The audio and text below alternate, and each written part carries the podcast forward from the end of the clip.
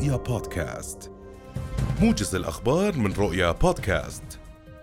موجز الأخبار أهلا بكم. أكد جلالة الملك عبد الله الثاني خلال اتصال هاتفي مع الأمين العام للأمم المتحدة أنطونيو غوتيريش ضرورة مواصلة المجتمع الدولي دعم وكالة الأمم المتحدة لإغاثة وتشغيل اللاجئين الفلسطينيين الأونروا للاستمرار في تقديم خدماتها الإنسانية الحيوية وفق تكليفها الأممي. وشدد جلالته على أهمية أن تقوم الدول بدعم الأونروا لتمكينها من تقديم المساعدات لأكثر من مليوني فلسطيني في غزة يعيشون أوضاعا إنسانية كارثية. وجدد جلالة الملك التأكيد على ضرورة التوصل إلى وقف فوري لإطلاق النار في غزة وإلزام إسرائيل بالقانون الدولي والقانون الدولي الإنساني. كما أكد جلالته ضرورة تمكين سكان غزة من العودة إلى بيوتهم. لافتا إلى أهمية دور المنظمات في الأمم المتحدة في إيصال المساعدات الإنسانية والإغاثية والطبية إلى القطاع. أفادت وسائل إعلام عبرية بأن مجلس حرب الاحتلال ناقش في وقت متأخر من مساء أمس تفاصيل صفقة تبادل الأسرى المقترحة بعد محادثات جرت في العاصمة الفرنسية باريس. وقالت وسائل الإعلام العبرية إن اجتماع مجلس الحرب عقد بعد عودة رئيس الموساد من اجتماع باريس الذي شاركت فيه الولايات المتحدة ومصر وقطر.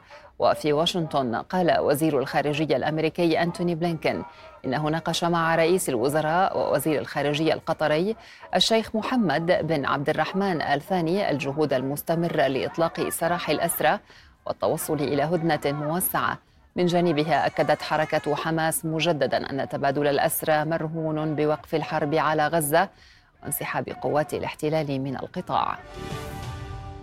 اختالت قوة خاصة من جيش الاحتلال صباح اليوم ثلاثة فلسطينيين بعد أن تسللت داخل مستشفى ابن سينا في مدينة جنين وأوضحت مصادر من داخل المستشفى أن نحو عشرة جنود من أفراد القوة الخاصة الذين تنكروا بالزي المدني وبلباس أطباء وممرضين وبلباس نسوي فلسطيني تسللوا إلى المستشفى.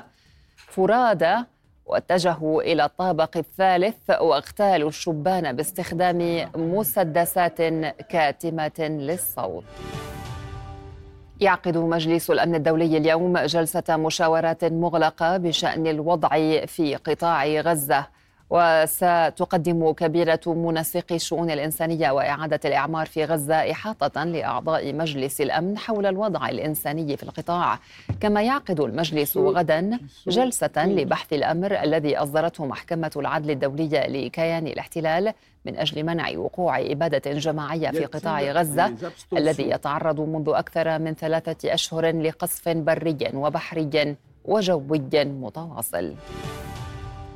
أعلن وزير الحرب الإسرائيلي يوآف جالانت أن جيشه سيتحرك قريبا جدا عند الحدود مع لبنان في ظل تبادل القصف اليومي مع حزب الله. وأبلغ جالانت قواته المتمركزة قرب الحدود مع قطاع غزة أن قوات أخرى منتشرة حاليا في القطاع الفلسطيني. ستغادر المنطقة لتنتشر شمالي الأراضي المحتلة. وأشار إلى أن قوات الاحتياط سيتركون مواقعهم استعدادا لهذه العمليات. نهاية الموجز إلى اللقاء.